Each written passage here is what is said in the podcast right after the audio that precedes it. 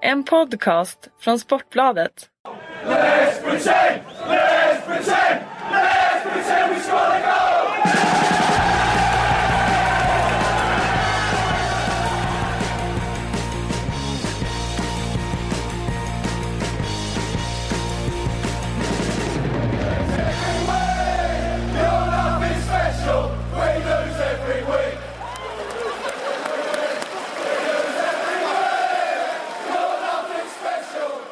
Herrar, eh, Sportbladets Premier League är tillbaka efter en veckas eh, påskledighet. Eh, Kalle Karlsson tog flyget ner till Turkiet, vi andra passade på att sjukskriva oss och podden fick helt enkelt ta lite påskledigt. Så nu är vi tillbaka utvilade och starkare än någonsin, eller hur Kalle? Eh, ja, utvilade vet jag inte. Träningsläger i Turkiet med två pass om dagen. Det var, det var ganska kämpigt faktiskt. Men eh, vi eh, har i alla fall fått tillbaka längtan efter PL-fotboll. Utan tvekan. Det, vi tajmade det också med att det var eh, speluppehåll ju för det har varit eh, landslagsspel.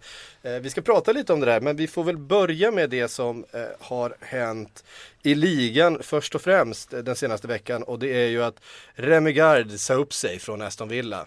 Eh, vi kommer prata lite floppspelare eh, senare men här får vi faktiskt prata om en flopptränare. Han skulle ju komma in och göra någonting annat av det här Aston, Aston Villa-laget. Eh, och det har han ju inte lyckats med. Nej, det har han inte lyckats med och eh, man Efter kan alltid Tim, diskutera. Tim Sherwood hade en tuff start. Alltså man kan alltid diskutera hur, eh, hur mycket han hade kunnat göra med det här materialet. Det var ju bevisligen alldeles för dåligt för Premier League den här säsongen. Och han kom in i ett svårt skede. Han kom till en klubb som eh, vad det visar sig verkar ha befunnit sig i någon slags kaos på många olika nivåer.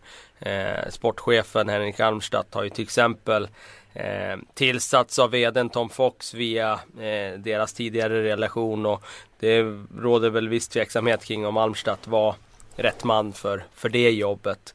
Eh, det har funnits en ägare som inte har varit så intresserad, Randy Lerner, och, och driva den här klubben framåt utan egentligen bara sälja den och bli av med den. Så att jag vet inte hur eh, lätt det egentligen var bara utifrån de grejerna. Sen kommer ju Remigard in med att han ska få luften då, eller han får luften av Randy Lerner om att han ska få förstärka i januari och då sätter ju han press på truppen som den befintliga truppen som finns i november när han kliver in. Och sen när de där ute, förstärkningarna uteblir då har han liksom gjort sig lite ovän med den truppen han har och han får inte ersätta dem med några spelare. Så vad, vad, ska han göra? Jag tycker faktiskt att den första matchen han hade där, då såg man ju en liten reaktion, positiv reaktion.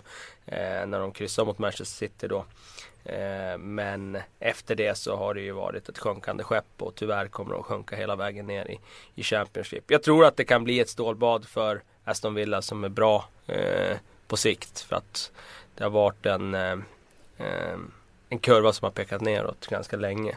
Mm. Så att eh, vi får se. För Remy Gards del så har ju hans aktie dalat kraftigt i och med det här. Tyvärr fungerar det ju så att fotbollsvärlden kommer ju inte titta på vilka resurser och möjligheter han hade att lyckas i Aston Villa utan de kommer bara konstatera fakta. Han lyckades inte och det var hans första Premier League-jobb och nu kommer han nog få återvända ner till kanske liganivå till nästa tränarjobb.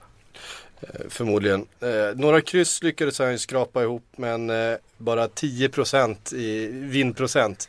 Det är, det, är, det är trea från slutet i, sen eh, högsta ligan i England blev Premier League. Ja, det är ju inget bra facit sådär, såklart. Men eh, det måste ju vara någon gräns där också. Bland tränare som gjort minst 10 matcher. Ja, det ska vara minst, minst 15 matcher. Ska minst 15 matcher, ja. ja. precis. Ja, för precis. att det ska finnas ett, ett Ja. bättre underlag. Och det, det är finns ju väl- de som har kommit in och bara förlorat. Gjort en match, ja precis. Eh, men ehm, Ja det är ju sämsta någonsin Aston Villa då såklart. Och vad säger du, tredje sämsta någonsin. Ja. Det är inga smickrande siffror såklart. Men som sagt Han hade inte Det mycket säger inte så mycket om hur bra han är som manager. Utan det säger mer om han, hur viktigt det är att man hoppar på rätt uppdrag. Mm. Alltså det, Jag vet inte vem, om det är Sir Alex som har sagt det. Just det där med att eh, Just det där att ha förmågan att eh, värdera vilket uppdrag man ska tacka ja till. Det är en otroligt viktig egenskap som, som tränare. Och, Fråga Gary Neville. och jag tänkte precis komma över på det. Att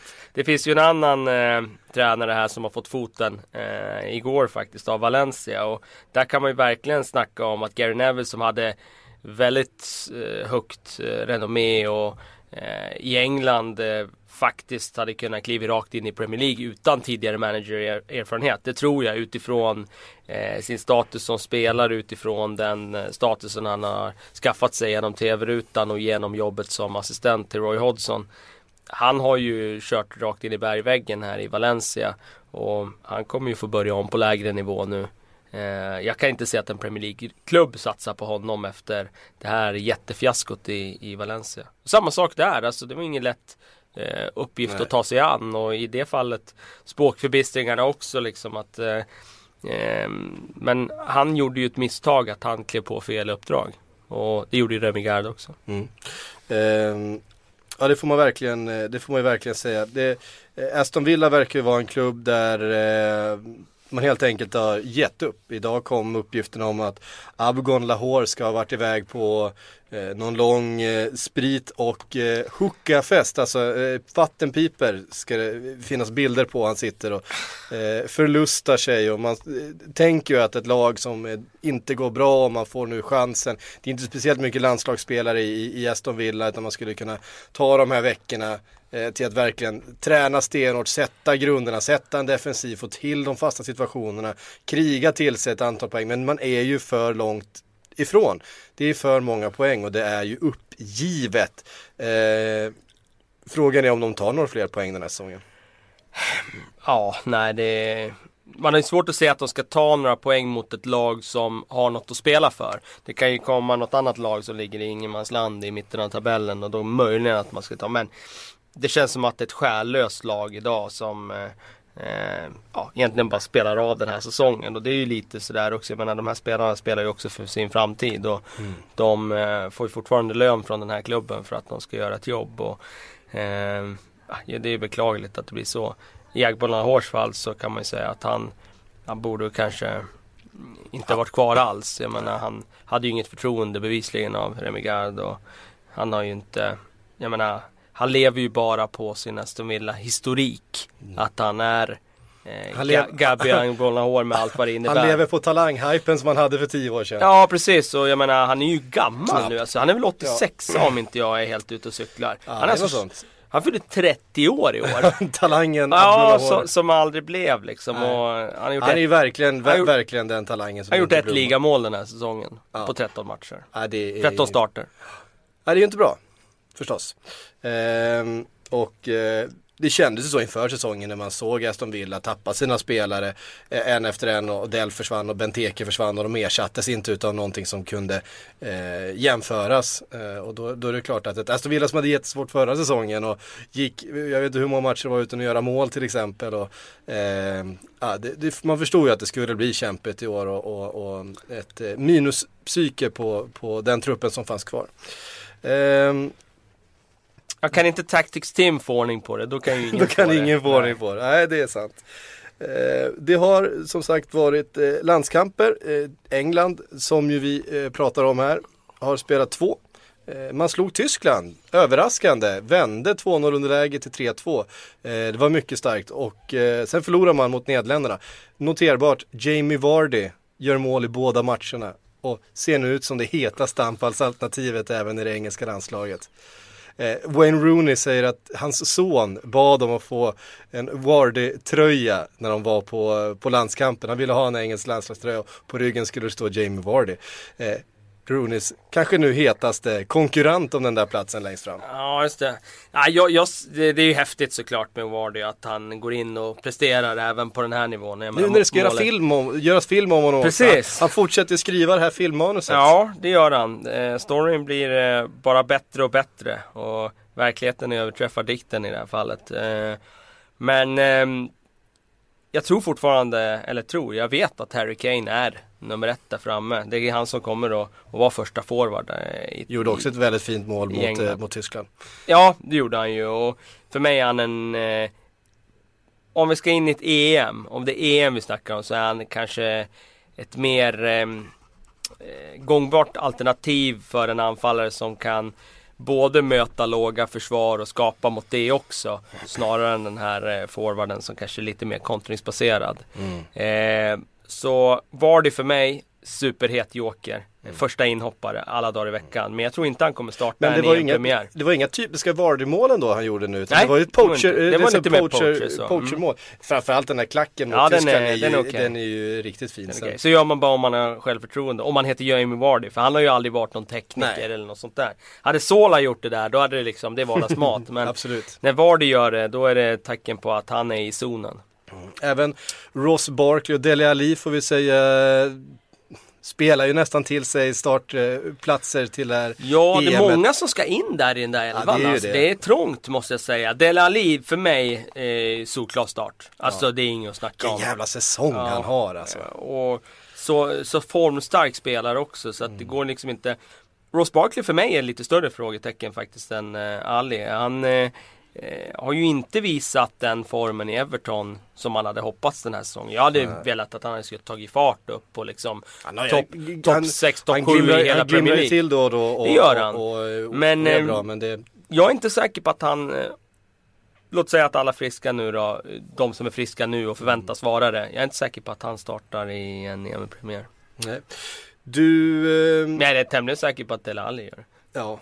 Faktiskt. Vilket är helt, vilket är helt eh, sensationellt ju. Ja, är Med tanke på eh, att de flesta inte eh, visste vem det var för ett år sedan. Eh, och eh, han gör sin, egentligen, sin första säsong i Premier League. Han, han började utanför truppen, skulle vara, se och lära och liksom spelat sig in i, i, i Tottenham med nyckelspelare där. Vi såg ju hur Tottenham eh, faktiskt verkligen saknade honom under eh, hans avstängning där och, och, och så bra som han är i landslaget nu. Det, det är verkligen häftigt att se. Eh, han ska få lite lite slutprodukt också på alla chanser han skapar. Han ska sätta eh, några fler bollar. Då, kommer det, då pratar vi om en, en riktig kvalitetsspelare. Eh, är det några andra spelare som du känner spelade sig in eh, Spela sig utifrån, in liksom? och sådär men Klein tycker jag ju stärkte sina aktier med insatsen här nu. Danny Rose tycker jag också stärkte sina aktier under den här landslagssamlingen. Det är ju många ombudet där på vänsterback. Mm. Alltså man kan ju tänka sig att en Leighton Baines egentligen ska vara första valet. Men han har ju inte spelat så mycket den här säsongen i Everton, inte visat den. Han har ju inte, han har inte åren eh, på sin sida heller. Nej, Han- 32 nu och nej, jag, jag tror att eh, Jag tror att Danny Rose kan vara en starter för England faktiskt. Utifrån form och, och så.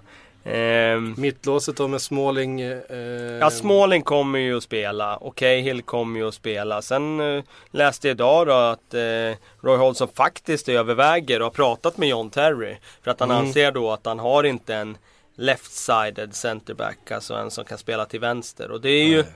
såklart alltid fördelaktigt att ha en vänsterfotad eh, vänster, eh, vänster inneback. Tror du han tackar ja? Eh, Men eh, har man inte det så bör man ju ha en som i alla fall är trygg att spela där och det är ju John Terry. Jag tror det ska mycket till för att han ska tacka ja. Det är ganska mycket prestige i det här. Alltså, han Rio är ju inte kvar. Landslaget, nej förvisso. Men eh, han lämnar ju landslaget efter att FA hade tagit kaptensbindeln av honom. Och, eh, Och det var ju också den där mycket- konf- konflikten med Rio Ferdinand som, Ja, ja, eh, precis. som, Precis. som låg till grund för Mm. det. Eh, Men- eller egentligen från början konflikten med Anton Ferdinand ju. Eh, Ja. googla, ni som, inte, ni som inte känner till det här. Det är, det är en historia värd att kolla upp. Eh, och påverkar lite vad man, vad man anser om John Terry kanske. Eh, men helt klart är det så att eh, det är väl den, eh, den bästa mittbacken. Den bästa engelska mittbacken fortfarande. Ja, i ett EM om du står inför en avgörande match. Du får välja en spelare som du ska ha i ditt mittförsvar.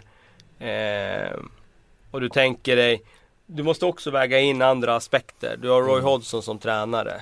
Det är, ingen, det är ingen tränare som kommer kliva fram och spela med något högt försvarsspel. Och, utan han kommer att sikta på ett eh, väldigt organiserat lag som är tight bakåt. Jag skulle nog välja John Terry ganska tidigt där. Eh, kanske först av alla. Med sin erfarenhet och du vet att om han får bara får stå lågt så, så, så kommer han vara bra. Och om man dessutom får en extra chans här nu då. och spela ett mästerskap i hög ålder här. Hans sista chans att verkligen göra avtryck på den internationella scenen så bör han ju vara inspirerad till max. Uh, målvakt är en annan intressant uh, position för det engelska landslaget just nu. Ja. Där uh, Freshy Forster fick chansen, uh, Butland också, fick också spela lite grann. Uh, Blev skadad och missade EM. ja just det, så är det ju. Så att. Eh, för min del så Joe Hart blir ju given som etta. Han hade varit given som etta även om Jack Butland hade varit hel. Eh, utifrån erfarenhet eh, och den eh, liksom uttalade statusen han har som, som målvaktsetta. Eh, det är enklare att få in en Del Alli på ett mittfält än vad det är att bara byta en målvakt. Eh, så att ehm, för mig Joe Hart solklar etta. Forster tvåa och sen skulle jag tro att det blir Tom Heaton som ändå har fått Mm. känna på det lite grann som blir trea. Så och blir där det- har man ju liksom sådana som Ben Foster och sådana som har tackat nej och så vidare. Eh, om vi rör oss utanför det, det engelska landslaget och den, den truppen och tittar lite på vad Premier League-spelare eh, så är det värt att notera att Kanté Leicesters succéman eh, gjorde mål för det franska landslaget. Ja. Leicester, Leicester dominerar världsfotbollen just nu. Verkligen, eh, de kommer ta över. Eh, Det blir ju på sån här Money League nu. Mm. Eh, Så kommer det väl vara.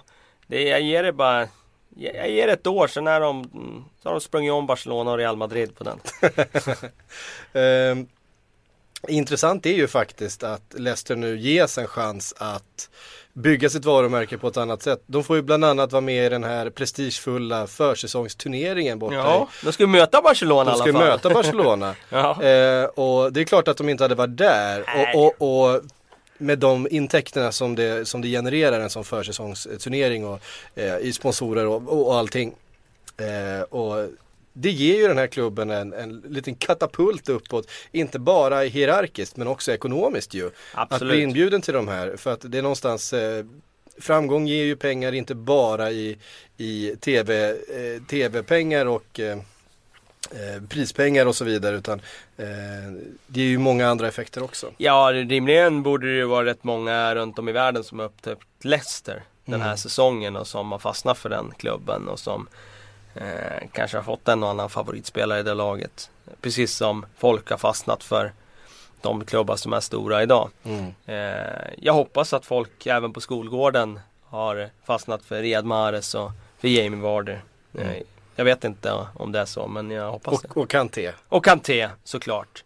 Eh, Inte minst. Eh, det var kul att han gjorde mål nu för Frankrike för det innebär ju att han kanske spelar sig närmare en EM-tröja där och det vore kul att se han i ett mästerskap. Ja, för att han har varit så bra i Premier League så Ja. att man skulle vilja se han på en stor scen också. Det har ju varit mycket snack om, om Vardy förstås och Mahrez som, eh, som ju varit eh, den bästa utav dem. Eh, anser jag i alla fall. Men, men eh, resan som Kanté haft den här, det här senaste året från eh, Ligue Ö och inte någon speciellt fram, framskjuten tillvaro till att eh, leda Premier League, att spela, göra mål för franska landslaget, vara högaktuell för ett EM på hemmaplan. Eh, det är jäkligt häftigt alltså. Ja, Det är finns också en många- film som kanske måste göras. Vad sa du det? Det kanske också är en film som måste göras. Ja, nej det är, det, det är eh, helt otroligt egentligen hur han kunnat gått under radarn på det sättet Ja. som han har gjort. Med den kvaliteten han har. Ja. Alltså att det, men det är ju så. Det, det är Bra inte, scouting där får man säga. Ja, verkligen. Det om eh, landskamperna då. Ehm, jag ska bara säga en nyhet som kom idag. eh, att, eh, alltså tidigare var det känt att eh, efter Liverpool-Manchester United där i, i, i Europa League-mötet så blev Liverpool då charge, charged, alltså anmälda för eh, olämpliga ramser på läktaren och eh, alla trodde ju att det rörde sig om eh, de här sedvanliga München-anspelningarna eh, eh, för det var ju, eh, skedde ju sådana men även då eh, Hazel och Hillsborough eh, diton från Manchester United-håll Men det visar sig att det är den gamla klassikern Oh Manchester is full of shit som eh, med jämna mellanrum sjungs eh, på The Cop. En, en ganska harmlös historia kan man ju tycka. Eh, jag har ju själv stått där och, och sjungit med eh, vid något tillfälle. Men det är alltså den som eh, Uefa nu har valt att, att anmäla. Lite, Fok- fokus på rätt saker. lite, lite pinsamt eller vad, vad säger du Kalle? Ja, nej, det kan man tycka. Gör om, gör rätt Uefa. Vi eh, har ju inga ligamatcher den här veckan att titta tillbaks på men däremot så tittar vi framåt lite grann. Vi har eh, tre matcher som jag har valt ut. Eh, och vi kan väl börja med den kanske mest ångestfyllda och det är Newcastle Norwich där nere i botten.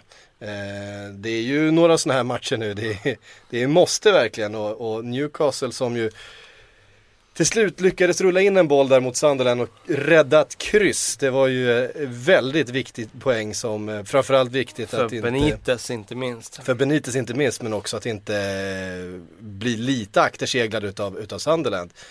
Och känna att man hade den uppförsbacken. Nu har Norwich klättrat upp på den där platsen precis ovanför strecket men det är väl två poäng ner bara tror jag till, Mm, till Newcastle. Ehm, och eh, ja, otroligt viktig match eh, i helgen.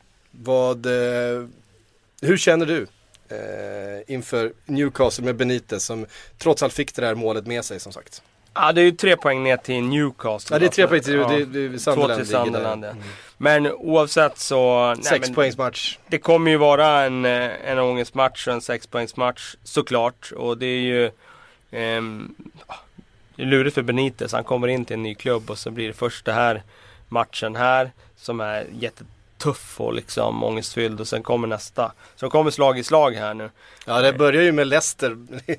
Precis som var en tuff match i, på Förstås. sitt sätt liksom. Och jag tyckte de gjorde det bra organisatoriskt i den matchen. Just om vi bara pratar det. Men det räckte, räcker inte till riktigt i en sån match. När det handlar om spets så, så har ju Leicester en annan offensiv spets. Ehm, ah, det, är ju, det kommer ju bli ångestmatcher egentligen alla. Men det är klart att för Newcastles del och för Benites del så är det ju bara fokus på, på den här nu i helgen. Ja, eh, helt klart. De, Newcastle som ju gjorde eh, några förvär, nyförvärv i, i, januari, inte minst eh, John Joe Shelby kom ju in och har ju tagit en kaptensbindel till och med i några matcher. Hur tycker du han har lyckats? Eh, Ja, inledningsvis bra tycker jag. Då visar han ju sig i ögonblicksverk liksom att han hade egenskaper som... eh, Framförallt en passningsfot där Ja som de, precis, som det de inte ja, hade exakt. haft. En crossboll och en passningsfot som, som kändes väldigt intressant. Ehm, men sen tycker jag väl inte att han kanske har gett laget det som jag hade önskat. Seido Doumbia hade jag ju större förhoppningar på. Alltså Mm. att han skulle komma in och liksom göra skillnad. Han har gjort tre inhopp hittills så det är ju inte, det är inte tillräckligt bra. Han har knappt spelat. Nej. Ehm, Andros Townsend är också det är en värvning man Det är en sån där spelare som Newcastle kan ha och mista liksom. Ja, Visst Ja. han kom in och gjorde någon reducering där mot Chelsea borta men ah, Jag tror inte att han kommer att göra någon skillnad där. Det är ingen spelare som, som eh, ändrar situationen. Nej knappast. Eh, där uppe. Nej det är ju inte så. Det, eh, jag tycker John Joe Shelby inledde ju säsongen också otroligt bra med, med Swansea. Ja får man säga. Eh, såg ju verkligen ut. Vi hyllade ju honom här som en, en spelare som har lugnat ner sig och kanske börjat förstå det här med fotboll på ett annat sätt och framförallt tagit mycket personligt ansvar med, med egen tränare och egen kock. Eh, var ju den stora grejen under, under sommaren. Eh, han har väl fått flytta med då upp till, till Newcastle. Kocken, tror du inte det? Jo det är Eller, hitta, eller, hitta, eller hittar han en ny? Har de kockar av samma kvalitet uppe i nordöst som de har i Wales? Det vet jag inte. Det är en bra fråga. Ja det är en bra fråga. Det, den känner vi inte till. Vi, vi, eh, vi får återkomma till det. Eh, Nästa match som jag tänkte vi kunde säga någonting om är eh, Liverpool-Tottenham. Den sena matchen på lördag. Tottenham som ju ska försöka hänga på Leicester. Eh, och eh, men möter ett Liverpool som man haft svårt för de senaste säsongerna. Eh, det har blivit eh, ganska få poäng för Spurs mot just Liverpool de senaste säsongerna. Eh, men som formen ser ut så är det väl ändå fördel för de vitklädda. Jo men det är det väl. Samtidigt så matchen spelas väl på Anfield om jag inte Det gör det. minns helt fel. Och det är klart att på hemmaplan så, så känns det som att det är ganska jämnt favoritskap ändå. Mm. Sån drabbning. Vad hände egentligen där eh, Liverpool senast mot Southampton? Där? Ja vad hände egentligen? Ja, man, man hade 2-0, eh, borde kanske rullat in en trea, eller man borde verkligen rullat in en trea i första halvlek. Och, Eh, sen kommer Mané in. Mm, han har ju inte hört så mycket om de senaste månaderna. Nej, och inte minst så... Han hade inte gjort så, mål så kommer, sen Alltså jag, jag tror inte han gjort mål sen oktober typ. Ja, Nej, december Ett- gjorde han mål i ligacupen. Det är ju två byten skulle jag säga som påverkar. Det är Mané som kommer in och gör ett eh, fantastiskt inhopp då och gör de där sakerna som, han, som han, vi vet att han kan. Men inte minst så byter ju Jürgen Klopp ut eh, Lovren, Lovren. och sätter in Skertel för Mm. Lovren hade gult kort. Var det bara därför? Eh, jag, jag har inte fått Inte någon skavank? Nej, jag där? tror inte Ah, det. okej. Eh, Men jag tror också han vill spela in eh, Skertel lite grann som ju har varit, varit skadad och inte fått så mycket speltid på slutet. Och, ehm, Ja, det blev ödesdigert. Ja, vi ska komma ihåg att eh, Mignolet räddade en straff också Mm. som eh, Skertel ors- orsakar. Så att, eh, nej det, det var ett riktigt eh, klassiskt ras. Får man säga. Det blev, eh, de får in 2-1 där och sen blir det nervöst och eh, vi, vi har ju sett det förut hur Liverpools backlinje inte kan hantera eh, pressade situationer. Ehm, och när det blir eh, mycket spel i Liverpools straffområde då brukar bollarna trilla in. Southampton har ganska bra form nu faktiskt. Efter de. nyår. Eh, De har ju faktiskt klättrat rejält i tabellen här. Eh, Får säga att man får lyfta lite på hatten för eh, vår vän Ronald Koeman. De ligger alltså bara tre poäng efter eh, Manchester United och West Ham som vi har hyllat eh, rejält Mm. den här säsongen. Eh, så att eh, ja. Nej, de, de, eh, de gör det De bra. är fyra poäng efter fjärdeplatsen Southampton. Det är Ja. riktigt starkt alltså. Eh, Och det som, det som irriterar en som Liverpool-supporter är att hade vi tagit de där tre poängen som Ja, vi ju hade. Då hade Eh, jag varit menar- fyra poäng efter Ja, med en, match, med en match mindre spelad dessutom. Så att eh, hade vi då slagit eh, Spurs i helgen och eh, det är väl ett eh, Merseyside-derby som släpar. Eh, Om inte om hade varit. om inte om hade varit det. Eh, så är det. Den tredje matchen är Manchester United-Everton. Ja precis, Eh. det är på söndagen va? Exakt. Eh, Everton som har förtvivlat svårt att vinna fotbollsmatcher. Ja. Eh, men som eh, på något sätt ändå aldrig får räknas bort. Och ett Manchester United som man inte riktigt vet vad man får utav. Nej det är ju alldeles uppenbart. Nu sprack de ju till där och åkte och slog City. Det var ju oerhört starkt att göra det. Ja. Får man ju faktiskt tillstå. Ehm, nej det är svårt att En, omöj- en omöjlig match att, Ja men alltså ingen, inget av laget är ju på, pålitliga. Alltså det kan ju gå hur som helst. Everton kan ju kan ju sprattla till. Manchester United kan svika. Men det är klart att Manchester United med allt det de har att spela för ska vara favorit hemmaplan. Ja. Hörru du, vi var ju inte här förra veckan så att eh, vi... Eh, Nej jag låg i en solstol i Turkiet Mm. och planerade träningar. På, det kan man göra. ja. Själv hade jag både magsjuka och förkylning förra som veckan. Eh, så att eh, fäll gärna en tår för mig. Vi tar en extra lång frågestund tycker jag. Eh, en sån här vecka där det inte har spelats någon Premier League-fotboll. Vi Ja. börjar med Byxmyndigheten eh, som vill att vi ska ta ut en 11 med floppspelare. Jag vet att du är lite förberedd Kalle. Eh, ja, jag börjar ju skissa på en sån eftersom eh, annars sitter man ju här helt eh, mållös. Efter, ja, men man ska ju tänka igenom liksom 20 lag med, säg 20 spelare. Det är ju ändå 400 spelare man ska gå igenom då snabbt och det är inte så lätt. Men eh, jag har eh, kommit fram till en 11 och sen kan ju folk då få fylla i här. Eh, utifrån eh, vad de eh, kanske hittar namn som, som borde vara med här. Eh, Kriteriet där från Byxmyndigheten var ju att det skulle inte bara vara en floppelva utan det skulle dessutom vara en floppelva med spelare som har startat kontinuerligt. Ja, och då blir det, hamnar det i ett annat läge. Tycker jag. Då kan man inte bara ta den där som har hoppat in någon gång och inte fått och speltid det alls. tycker jag också är ett rimligt Ja, kriterie för att du kan ju inte floppa om du inte spelar. Eh, du ja, du kan ju floppa om du, du har köpt för en ansenlig summa och så hamnar du på bänken och inte får spela. Du, det finns ju en anledning till en- att du inte får spela, tycker, ju en- anser jag. Ja, precis. Då är det att du är för dålig och då har du ju floppat.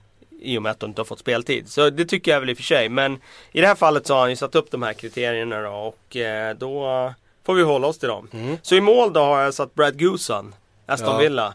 Eh, jag gillade ju den gode Brad Eh, för några år sedan. Då tyckte jag han var väldigt stabil. Eh, den här säsongen har han ju svikit stort tycker jag. Eh, en av anledningarna till att det har varit så svajigt i försvaret i Aston Villa är ju att han inte har spridit någon trygghet. Backlinjen så sätter jag faktiskt Branislav Ivanovic som högerback. Vi pratar ju spelare som har Hans, spelat hans, kontinuerligt. hans, hans var inget Hans bra. start var ju katastrofal och även om den har, eh, han har höjt sig rejält och den kanske har tynat bort lite i minnet för folk så det spelar ju ingen roll när man har sin dåliga period. Eh, påverkar starten, säsongen. ska ju, starten ska ju väga lika tungt som om man avslutar dåligt. Ja. Vilket det inte alltid gör hos folk. Men eh, om vi drar oss till minnes eh, så var han ju som en pylon där i början av säsongen. De sprang ju åttor runt honom. Mm. Och, ehm, för mig är han högerback i den här elvan. Martin Demikelis eh, får en av mittbacksplatserna.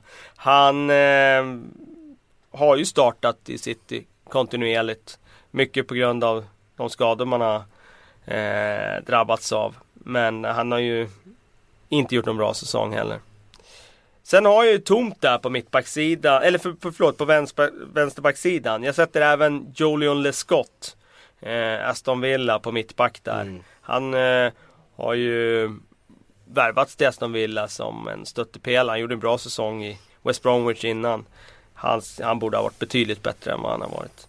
Vänsterback har jag faktiskt inte hittat någon klockren. Du kanske kan jobba fram någon. Eller är det Alberto Moreno utifrån sin defensiv? Ja, det skulle det ju kunna vara. Ehm, faktiskt, sen, sen bidrar han ju med en del offensivt och, och Ja. har varit där men, men, Men han är ju, han är ju på ett sätt som eh, man blir frustrerad på. Att han Ja. missar ju så mycket i positionsspel och han är ju aldrig pålitlig defensivt. Så jag, jag, jag, hade ingen vänsterback men nu så här på uppstuds skulle jag Ja. nästan kunna sätta Moreno Ja, där. vi, för kan han absolut startar ju slänga, vi, ofta. vi, vi kan absolut slänga in Morena där. Ja. Eh, han startar hela tiden. Ja. Det, kom ihåg att eh, Joe Gomez eh, faktiskt Startar ju där ja. började säsongen där Ja. och, och Var ju bättre innan Och han var blev ju det, skadad. bara det att Moreno med den historiken, han kommer från, eh, från Sevilla liksom och, och har spelat av, ja, eh, fotboll i flera säsonger och eh, blir petad direkt utav en 18-årig Joe Gomez som har gjort eh, ja, en handfull seniormatcher bara i sitt, eh, i sitt fotbollsliv. Det säger ju någonting om eh, bristerna som Moreno har och, och eh, hur illa det har varit. Även Brad Smith, en annan eh, ung spelare, har ju fått eh, spela en del eh, på vänsterbacken där, inte minst eh, i kupper och annat där Moreno inte får spela. Så visst, vi kan slänga in honom. Ja. Men eh, då har vi ju en komplett backlinje där. Alltså på sittande mittfält så sätter jag Nemanja Matic. Som eh, jag tycker har floppat rejält den här säsongen utifrån. Man får ju alltid ställa det emot vilken förväntningsbild hade vi av den här spelaren. Han var en av de bästa i Premier League förra, för, förra hösten då. Och han har ju dippat rejält. Eh, inte någon given starter längre i Chelsea men han var ju det hela hösten. Han fick nya chanser. Och, Eh, ja, han får en av platserna. Marouane Fellaini, eh, den käre Fellaini får eh, plats här igen. Han har ju eh, konstigt nog någon slags eh, förtroende i en sittande roll där han ska fördela bollar och nej, det, det är ju inte någon roll för honom. De hittar ju en roll för honom i slutet av förra säsongen där när han blev någon slags deep lying target player. Han sprang upp så fort de fick bollen och de kunde sätta en längre boll på honom så man kunde stå och nicka ner eller ta ner på bröstet. Som han är väldigt stark på. Men eh, nej, i år tycker jag inte han har eh, kunnat visa någonting av det i en, i en annan roll utan då blir han väldigt begränsad. Ja. På de offensiva platserna så då från höger så Memphis Depay. Eh, jätteflopp såklart Ja. utifrån hans rykte när han kom till England. Eh, så tar jag faktiskt Ibrahim Afellay Mm. eh, som tia.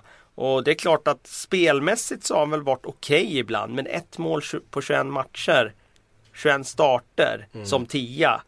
Nej, Det är för dåligt. det är för dåligt. Och för mig är han eh, inte tillräckligt effektiv.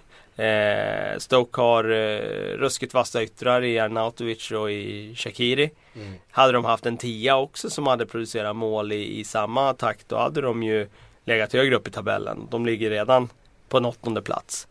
Så att eh, Afelai tycker jag, mm, men i och för sig utifrån förväntningar, om jag bara pratar mina egna förväntningar så är han ingen flopp. För att jag hade inte förväntat mig något annat än att han Nej, skulle han, kom, floppa. han kom ju eftersom han har, eftersom han har spelat för Barcelona och Ja, han har liksom precis. Han har- ehm, En bra CV så. Han har ett bra CV men hans CV är ju mycket bättre än de prestationer som han Så faktiskt har eh, bidragit med i de här klubbarna som han har representerat. Sen har vi ju då um, till vänster Eden Hazard. Föga överraskande. Um, jag kan inte se någon annan som Jag skulle vilja kalla honom för hela säsongens största floppspelare. Så är det ju. Eh, utifrån våra förväntningar, vi snackade om Premier Leagues bästa spelare förra säsongen Mm. som tvivelaktigt, eh, eller alltså som tveklöst förlåt, Mm. var ligans bästa spelare förra Mm. säsongen. Han har klivit rakt ner i källaren nu. Längst fram då, ja, eh, där kan man ju diskutera kring vem man vill ha men vi kommer fram tillsammans till att det var Christian Benteke ändå. Ja. Eh, som eh, värvades för enorma pengar och som har startat en hel del men som inte har blivit en startspelare i Liverpool. Som har, har, har fått många chanser, framförallt under hösten. Eh, och sju ligamål. Eh, är väl alltså, okej eh, utifrån att han bara startat 12 matcher. Om man bara ser det krasst så. Men han har ju dessutom gjort 13 inhopp. Så på 25 matcher, 7 mål. Nej, inte tillräckligt bra. Nej. Eh, jag skulle kanske, eh, kanske slänga in Rudiger Stead eh, där också som ju inte har eh, Rosat marknaden. Han har inte lyckats fylla Bentekes skor i eh, Aston Villa eh, heller. Sen, sen gjorde han det ju faktiskt ganska bra i en, ett antal matcher. Med ganska lite att jobba på, eh, Gersted. Han, han knoppade in eh, ett antal bollar. mål men, där ja. eh, men, eh, men det är klart att Benteke med den prislappen och, och de förväntningarna och allting att det, det är han som ska in där. Marouane Chamakh tycker jag är intressant också. Jag menar han var ju ganska het i Crystal Palace när han kom dit och gjorde snabb succé där och så. Han har ju alltså gjort noll mål. Startat en match, gjort nio Mm. inhopp den här säsongen. En, en annan intressant spelare eh, från, Wickham. från, eh, från eh, Crystal Palace är ju faktiskt Kabay. Ja. Eh, som ju kom som en, ett, av de största utropstecknarna från eh, transfersommaren. Hur, hur Crystal Palace kan värva från PSG och en av eh, Ja. en av de bästa mittfältarna under ett par säsonger i, i Newcastle då. Mm, Eh. börjar ju väldigt bra. Började jättebra men, men eh, den här vintern framförallt har ju Crystal Palace gått bedrövligt dåligt. Och, nej, det har varit och Kabay har ju spelat i stort sett hela tiden. Även där. Så att eh, han får väl sitta på bänken i den här eh, eh, i det här flopplaget. Ja, de har alltså inte vunnit i ligan sedan den 19 december. Det är ju otroligt. Ja, Det är jättedåligt verkligen. Eh, och Kabay har ju spelat i stort sett varenda match eh, under den perioden. Tror jag. Jag tycker jag har sett, sett honom där i alla fall. Eh, varenda gång jag tittat på Crystal Palace. Och, det är klart att med, med en sån spelare på mittfältet då ska det liksom inte gå så trögt. Men det är ju Pardew och eh, den här, eh, det här skedet på säsongen, det, det känner vi ju till. Ja, jo. Jönsson brukar ju trycka på det. Ja, han brukar älska att trycka på det. Eh, nej men det är väl ett, eh, ett, ett intressant eh, flopplag. Ja, folk får komma med, med andra förslag där om man vill Mm. det. Vi fick en annan fråga också om att ta ut en, eh, en elva utav topp, eller bottenfyran. Eh, egentligen var det väl botten eh, laget på nedflyttningsplats men vi får ju ta med Norwich i det här nu då, eftersom det är så tight.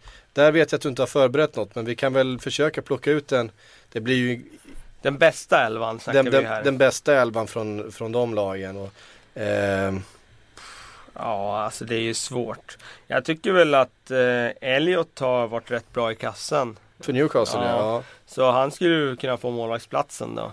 Eh, sen, alltså det är svårt alltså för det är inte så många spelare som är bra här.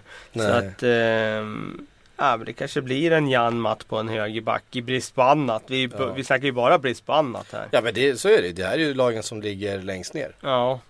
Sen, eh, alltså, det, är- det är så svårt att hitta något. Eh, jag tror vi får gå på att bara ta en spelare i varje lagdel här. Alltså, ska vi göra så en istället? målvakt, Elliot Ja. då. En försvarare. Eh, Det skulle kunna vara Janmat. Jag tycker det är en, en, en eh, bra Även att han har gått trögt den här säsongen. Det är, det är en spelare som jag tror skulle kunna ta en plats även i ett lag högre upp i tabellen.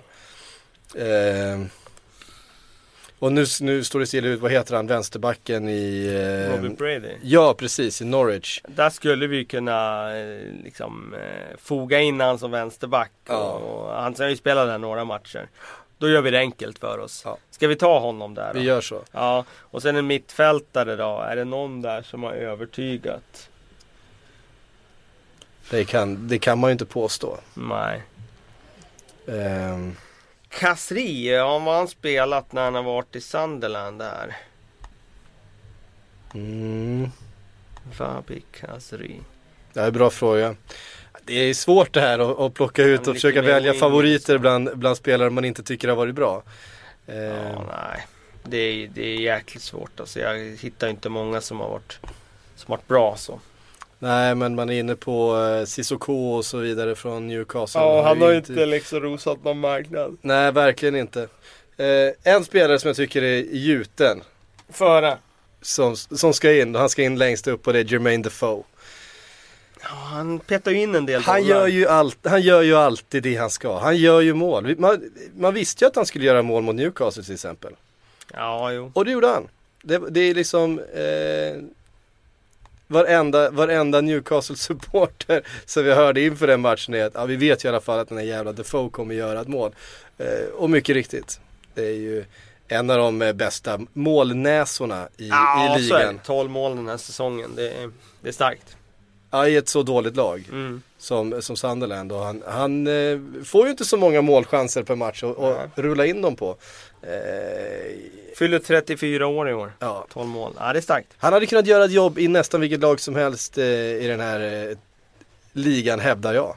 Ja, när hade- man har det där målnäsan och... Han, hade, han rullar ju in den. Det, vi kokade ner det till att vi hittade en spelare som vi tar med oss ifrån bottenfyran. Jermaine Defoe. Ehm, Bra. Life is made up of many gorgeous moments. Cherish them all, big and small, with Blue Nile. Whether it's for yourself or a loved one, Blue Nile's unrivaled selection of expertly crafted fine jewelry and statement pieces help make all your moments sparkle. Blue Nile's experts are on hand to guide you, and their diamond guarantee ensures you get the highest quality at the best price. Celebrate a life well lived in the most radiant way and save up to 30% at BlueNile.com. That's BlueNile.com. Ja, vi tar fler frågor då. Eh, Filip Hagman undrar, hur kommer Conte ställa upp Chelsea nästa år? Formation och eventuellt nya spelare. Eh, nya spelare kan vi väl låta vara, men formation och vi kan väl tänka oss att Chelsea inte kommer tappa speciellt mycket spelare. Utan eh, han kommer väl ha att jobba med. John Terry kommer försvinna. Eh, vi kanske ska räkna bort Eden Hazard som ju verkar vara på väg ut. Eh, så värst många fler. Oscar har det pratats lite om men, men, men stommen är väl ungefär densamma den, nästa säsong som den här. Får vi utgå ifrån. Eh, ja, det tror jag. Stommen kommer att vara kvar.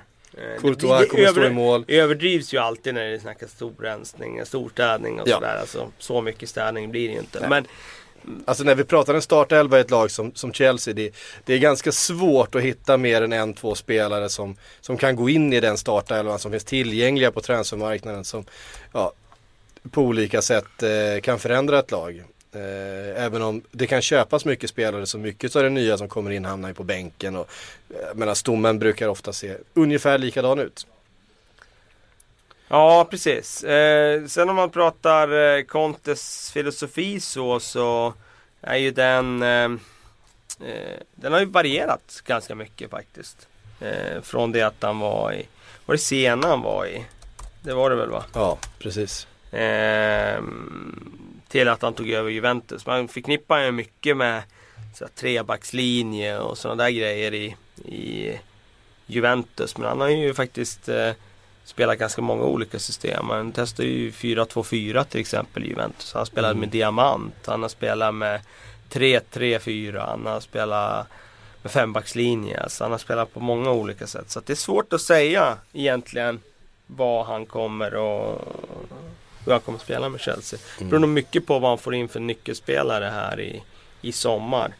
Och får han in spelare som han vill eh, använda på bästa sätt då kan det ju vara så att han bygger laget utifrån, utifrån det.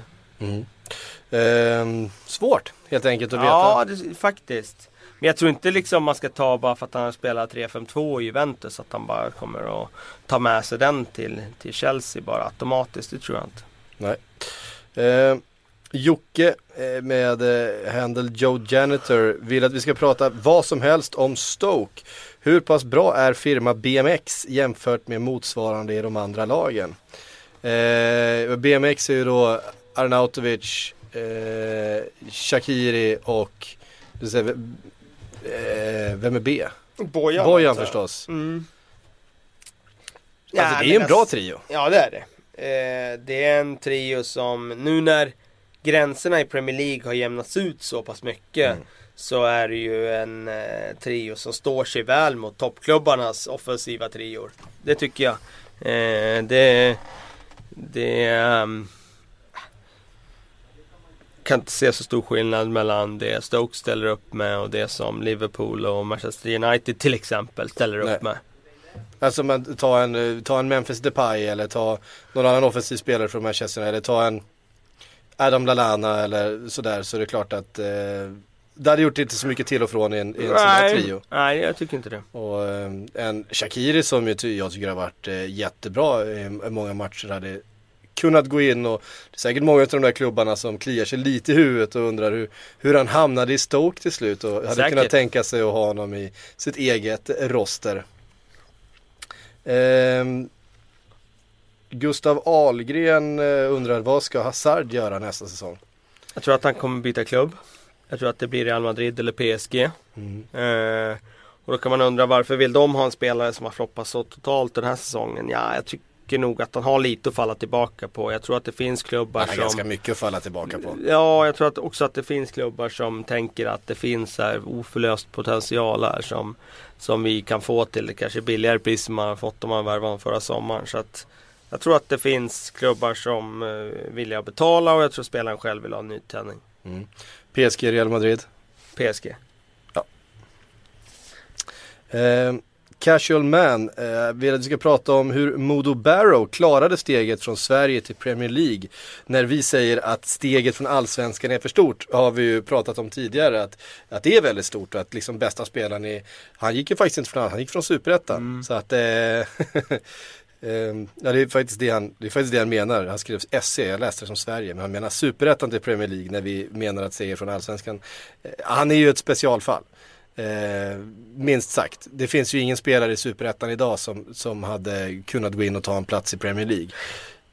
Nej. Våga, våga, våga hävda. Ja men det kan vi slå fast. Alltså eh, det är stor skillnad. Eh, det som gör Barrow unik är ju att han har den där speeden. Har man den där speeden då, då kan du ju spela på högre nivå tack vare att du har den där speeden. Ehm, det är få spelare som har den där spetsegenskapen på det sätt som han har. Och den gör honom ju intressant för en högre nivå. Men eh, Sen har han gjort det otroligt bra och det, man ska ju inte bra. ta någonting i, i, ifrån det. Utan, eh, men jag tror att just Modo Barrow-fallet ska man inte kanske hänga upp sig på när, när eh, man ändå pratar om nivåskillnader mellan svensk och, och eh, svensk fotboll och toppligorna ute Nej, precis. Det- Därför att det är väldigt, väldigt stor skillnad. Och, eh, vi har ju sett spelare, alltså de som har varit toppspelare i Allsvenskan gå till, eh, till Premier League-klubbar och inte ens få sitta på bänken. Eh, när de väl har kommit dit. Det har vi sett ganska många exempel på. Vi har en Rosenberg till exempel som väl är en av de bästa spelarna i Allsvenskan nu. Det får, man väl kalla honom. Och hade det inte speciellt lätt nej. för ett par säsonger sedan där. Eh, Martin Arvidsson undrar eh, hur stor är risken att Palace åker ur? De har ju fortfarande, de har ju den där poängbufferten att luta sig mot men de måste ju börja vinna fotbollsmatcher snart. Ja, alltså. Man kan säga så här att hade man ställt den här frågan i december då hade man ju sagt att... Då hade man ju skrattat. Ja, det, då hade ju risken varit större att de hade hamnat på... Eller chansen hade varit större att ta en topp 4-platsen och åka ur. Ja. Har man känt då. Eh, med den tunga stämning som råder just nu över Sellers Park, Alan Pargers ledarskap och, och laget och klubben så ska jag säga att det finns en risk och den kanske är 15 procent ändå. Eh, de har några poäng till godo men de, de, det går fort ut för när man har hamnat i den trenden som de har gjort. Inte minst eh, känslan av att man är eh, I fritt fall. I, i fritt fall ja, och man, man ser de lagen bakifrån komma. Om inte i rasande fart så i alla fall krypandes närmare och närmare för varje omgång. För det är ju alltid någon där nere som tar poäng. Inte minst när de konstant möter varann. Eh, så att det, det började sprida sig lite lite oro eller kanske till och med ganska mycket oro. Då går ju det också i sin tur ut över spelet. Så det kan ju bli en väldigt negativ spiral till slut här för eh, Crystal Palace. Eh, men, men visst borde avståndet ändå vara lite för stort. Man tycker ju det. Med tanke på också att Aston Villa kan vi räkna bort och de andra tre liksom inblandade i någonting som, som eh, man inte tycker att Palace borde blandas in i. Ja. De har ju en semifinal i FA-cupen också att se fram emot mot mm. Watford. Det är klart att den kommer ju säkert ta lite fokus från dem. Men deras återstående matcher det är alltså West Ham borta, Norwich hemma, Everton hemma, Arsenal borta, Manchester United borta. Sen kommer fa Cup semifinalen. Sen Newcastle borta, Stoke hemma och Southampton borta. Mm. Det är inga superenkla matcher där. Nej, det är, och inte minst så ska man ju möta lagen nedanför och riskerar ju då att, att tappa och eh, i övrigt så är det ju väldigt tuffa matcher eh, som man har. Så att, ja, det... det blir en nyckelmatch mot Norwich hemma här den 9 april, det får man ju säga. Ja, verkligen. Eh, The Swedish Gooner undrar, tycker Kalle fortfarande att Theo Walcott är tillräckligt bra för att spela för Arsenal? Eh, inte, han är inte tillräckligt bra för att ha den statusen han har, att vara en tilltänkt startspelare och sådär. Däremot tycker jag att han är tillräckligt bra för att vara en breddspelare. Men då är det också där, Arsenal betalar ju en ansenlig lön till Theo Walcott som han förhandlade till sig i ett läge när han nästan blev bossman. Och, nej, jag tycker väl inte att han är tillräckligt liksom, bra idag för att ha den lönen och sådär. Men jag ser inte heller att han inte är tillräckligt bra för att hoppa in ibland. Nej. Eh, Anton Johansson är årets Martin Demichelis, Premier Leagues sämsta spelare sedan Martin Demichelis anno 13-14. Du hade med honom i din floppelva här. Eh, och Demichelis eh, säsongen 13-14 var en bedrövlig historia. Eh, och kanske är han där på samma nivåer igen och, och härvar. Ja, alltså jag vet inte om han är den sämsta verkligen. Eh, så. Den är lite raljant Den är lite raljant skriven och om han är den sämsta, det låter jag vara osagt. Men han har ju, han har det kämpigt. Mm. Niklas Nerby, och nu vill de att vi ska komma med, med, med modekunskaper här. Han vill veta Premier Leagues bästa och sämst klädda tränare. Oh, det var ju alltid Roberto Mancini när han var tränare. Då utan, tycker jag han var ut, bäst Utan klädd. tvekan. Han hade ju någon snits med att knyta eh, halsduken på ett elegant sätt som väldigt få andra klarar av. Eh, sämst klädda måste vara Tony Pulis. Det är ju alltid träningsoverall och keps liksom. Ja. Eh, såg honom dock på träningskomplexet där när jag var på besök där för tre veckor sedan i, utan keps. Det har man ju mm. knappt gjort. Men det gjorde jag då. Ja. Eh, inte mycket hår va? Satt han på sitt kontor utan kepan. Mm. Eh, nej, inte så mycket hår.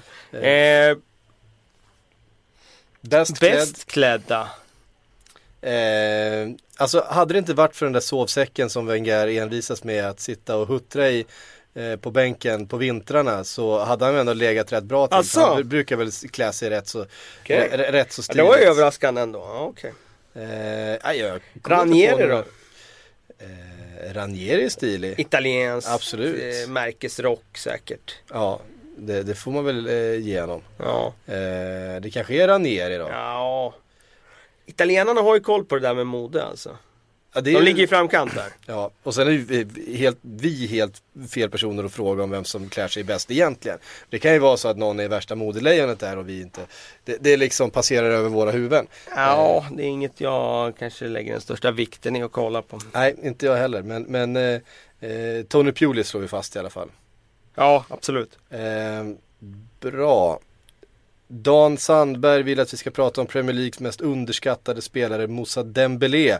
90% i sina passningar och 90% i, i sin success rate i sina dribblingar. Eh, har ju tagit ett eh, kliv den här säsongen eh, från att dribblat och dribblat och hållit boll och sen så har det bara blivit en pass snett bakåt och så har man fått börja om i alla fall. Eh, till att faktiskt eh, göra någonting av bollen och se till att det händer någonting konstruktivt med den fina eh, tekniken han har att hålla boll och hålla ifrån. Han har blivit mer konkret i sitt spel. Han har gjort en kanonsäsong. Sen om han är den mest underskattade, det vet jag inte riktigt. Det är ju eh, glädjande att se att han ligger så pass högt i passningsprocent. Jag tyckte att han hade lite för hög felprocent tidigare. Eh, Men eh, ah. Eh, jag tyckte vi gav honom rätt mycket cred ändå i höstas där när han började hitta formen. Så jag, för mig är han inte den mest underskattade längre. Men han är ju väldigt, väldigt viktig för Tottenham. Ja, utan tvekan. Han är också, eh, kommer till mer avslut nu. Det, eh, vi har mer inne, slutprodukt. Mer slutprodukt. Vi har varit inne på det, han sa ju själv i en intervju att han, eh, de spelade, de har inga mål där han växte upp i, i han är väl från eh, Bryssel, eh, tror jag. Eh, där de växte upp, de spelade på en basketplan. Så att genom att göra mål var att man passade in i en eh utav målzonerna på basketplanen. Alltså ja, de, de sköt aldrig utan ja, de blev väldigt duktiga på, på kortpassningsspelet och hitta, hitta luckor och ta sig fram och täcka boll. Ja, så att han, han liksom först i vuxen ålder lärde sig skjuta ordentligt för det var inget som de tränade på i spontanfotbollen som, som barn. Men, men nu tycker jag han har eh, fått till ett ganska fint skott. Ja, eh, absolut. Och, och, och, tar det ganska mycket oftare än vad han gjorde för ett par säsonger sedan när han inte hade så mycket självförtroende i avslutsfoten. Eh, Anders Törnvall undrar vilka sex Premier League-spelare vore mest spännande att se i en dokusåpa? Valfri sort av såpa. Jag, jag tittar inte så mycket på eh, dokusåpor. Eh, så den enda jag tittade, eller senast jag tittade på dokusåpa så var det väl baren. Ro Robinson Robban. Ja, eller Robinson var det ja. kanske. Eh, för tio år sedan. Eh, så det får ju bli någon utav dem då. Eh, men... Det räcker nog inte med tio år sedan när vi snackar Robinson. Det var väl där Nej, det kanske var 20 år sedan. Millennieskiftet. Ja, det är ju fan 15 i alla fall. Ja. Ehm, men jag tycker att grejen här är ju att det är så väldigt lite personlighet på spelarna i Premier League. Det är svårt att plocka ut någon som man tycker att det skulle vara väldigt intressant. Eh, menar, Joey Barton finns inte kvar längre i, i, eh, Balotelli hade ju varit intressant. Han ja, tillhör ju fortfarande han, Liverpool. Tillhör som fortfarande Liverpool. Eh, det hade ju varit intressant. Absolut. Sen tror jag en sån som Scott Carson, nu tillhör inte han heller en Premier League-klubb längre utan Derby Championship mm. då. Men han tror jag också skulle vara intressant. Jonas Olsson berättade för mig att det var en riktig gamäng som var den roligaste personligheten han någonsin har spelat med. Mm. Eh, så att eh, det skulle jag kunna tänka mig eh, att han skulle vara alltså, rolig. Eh, om vi, pratar vi Robinson så är det så, men pratar vi baren, då vill man ju in Andy Carroll. Ja, jo absolut. Det hade kunnat sluta hur som helst. Sen vill jag ju peta in Diego Costa någonstans också för att även om man inte gör så mycket väsen av sig utanför planen så vet man ju att det lurar ju, alltså vansinnet bubblar ju där under ytan ja. konstant. Även, även när, när eh, slutsignalen har gått. Det, det, det, finns ett, det finns en galenskap under Ja, ja, ja. under ytan hos eh, Diego Costa. Fatta vad det ska bli, finnas då om man blir instängd i Big Brother-huset där liksom. och det ska koka där mellan fyra väggar liksom. Ja, ah, shit. Ja, nej, det, det, det, det Vi fick ihop en rätt bra startfyra där. Jag tycker det. Uppställningen då. Vi slänger in en tränare också. Vem? Eh... Ja, Tony P vill man ju ha där. Tony Pulis. Som skallar, skallar Diego Costa i duschen, i Big Brother-duschen. Den skulle man ju vilja ha. Ja, där, ja, vi fick ihop det till slut ändå. Ja. jag tyckte det var Han ska alltså ha skallat eh, James Beattie när han stått i bara handduken så att handduken åkte av. Ja. Det är fantastiskt. Ja. Det är en av våra favorit... Eh... Episoder i Premier League, ja, absolut. Eh, helt klart. Och Även och om den innehåller våld, vilket vi såklart inte förespråkar. Nej men man gillar ju ändå Tony Pulis lite grann. För han är en sån jävla hardman liksom från walesiska liksom eh, tuffa kvarteren. Och det, han, han, han drar sig inte. Eh, han tar ingen skit. Vi har ett par frågor kvar, vi har lite tid kvar som vi, eh, vi kör på. Thomas Nygren eh, undrar, många förklarar Leicesters succé med att alla vet vad de ska göra på planen. Borde inte alla lag göra det? Eh, det kan man ju tycka, men eh, det där är ju lättare sagt än gjort. Ja, det är det. Det är väldigt eh, mycket lättare sagt än gjort. För att eh, om alla alltid gjorde som man sa, då vore det ju jätteenkelt. Då skulle ju, det skulle inte vara något svårt att vara tränare. Det skulle inte bli några mål till att börja med. Nej, precis. Eh, det skulle inte bli några, i princip inga baklängsmål eh, skulle det bli. Eh, för alla skulle hela tiden alltid vara på rätt position. Och man ska alltid ha exakta avstånd mellan lagdelarna i höjd och i bredd. Och då är det väldigt svårt att göra mål i fotboll. Så att eh, Nej, det där är ju tjusningen just att det, det är svårt att, att, få alla att göra det. Du kan ju berätta vad som ska göras men sen ska du ju få den spelaren att verkligen göra det och utföra det också. Och det är där som är problematiken. Och Alltså, jag tror att folk tror att det är enklare än vad det egentligen är. Det spelar ingen roll om folk tjänar två miljoner i veckan. Alltså, sen när du väl är ute på plan och ska ta besluten på en halv tiondel då Kanske efter, efter 70-80 minuters eh, högtempo. Ja eller en fotboll. högintensitetsrush bara på Mm. 40 meter liksom och så ska du ta det där beslutet snabbt. Och jag tror att mycket av förklaringen här är, förutom att man har gjort väldigt bra värvningar förstås i Leicester med spelare som, eh, som klarar av att göra det, eh, är ju också att man har varit, fått spela med samma startelva i stort sett hela säsongen. Ja, och att de har gjort resultat tidigt med den här fotbollen och spelidén som Ranieri hade. Och då får han någon slags trovärdighet i det. Och de kan vila på det och det blir som att de förstår att gör vi bara som Claudio, Mr Claudio säger här så, så kommer det gå bra. Mm. Eh, Falkenberget, eh, vi pratar lite silly, det kan vi väl bjuda på. Eh, en av veckans stora eh, vi kan ta två stycken eh, silly-rykten som har florerat under veckan. Det ena är då Götze till Liverpool. Götze som ju eh, inte har varit någon favorit under Pep i Bayern München. Har en karriär som har stannat av lite grann får man ju säga. Efter eh, varit oerhört hypad i Dortmund och sägs nu vilja återförenas med Jürgen Klopp i Liverpool. Vad säger du om den, eh, det ryktet och eh, trovärdigheten? Ja, så, pff, jag vet inte men det är klart att Ett år kvar på kontraktet, Ja. han vill uppenbarligen ha speltid, vill röra på sig. Ja, alltså ska, man, ska Liverpool ha chansen någon gång att värva en sån spelare så är det ju nu. Eh, just med att eh, han är i den karriärfasen där han är. Han behöver en språngbräda igen. Och sen att de har den tränaren som de har. Det är ju det som ger Liverpool hopp. Annars så, ja.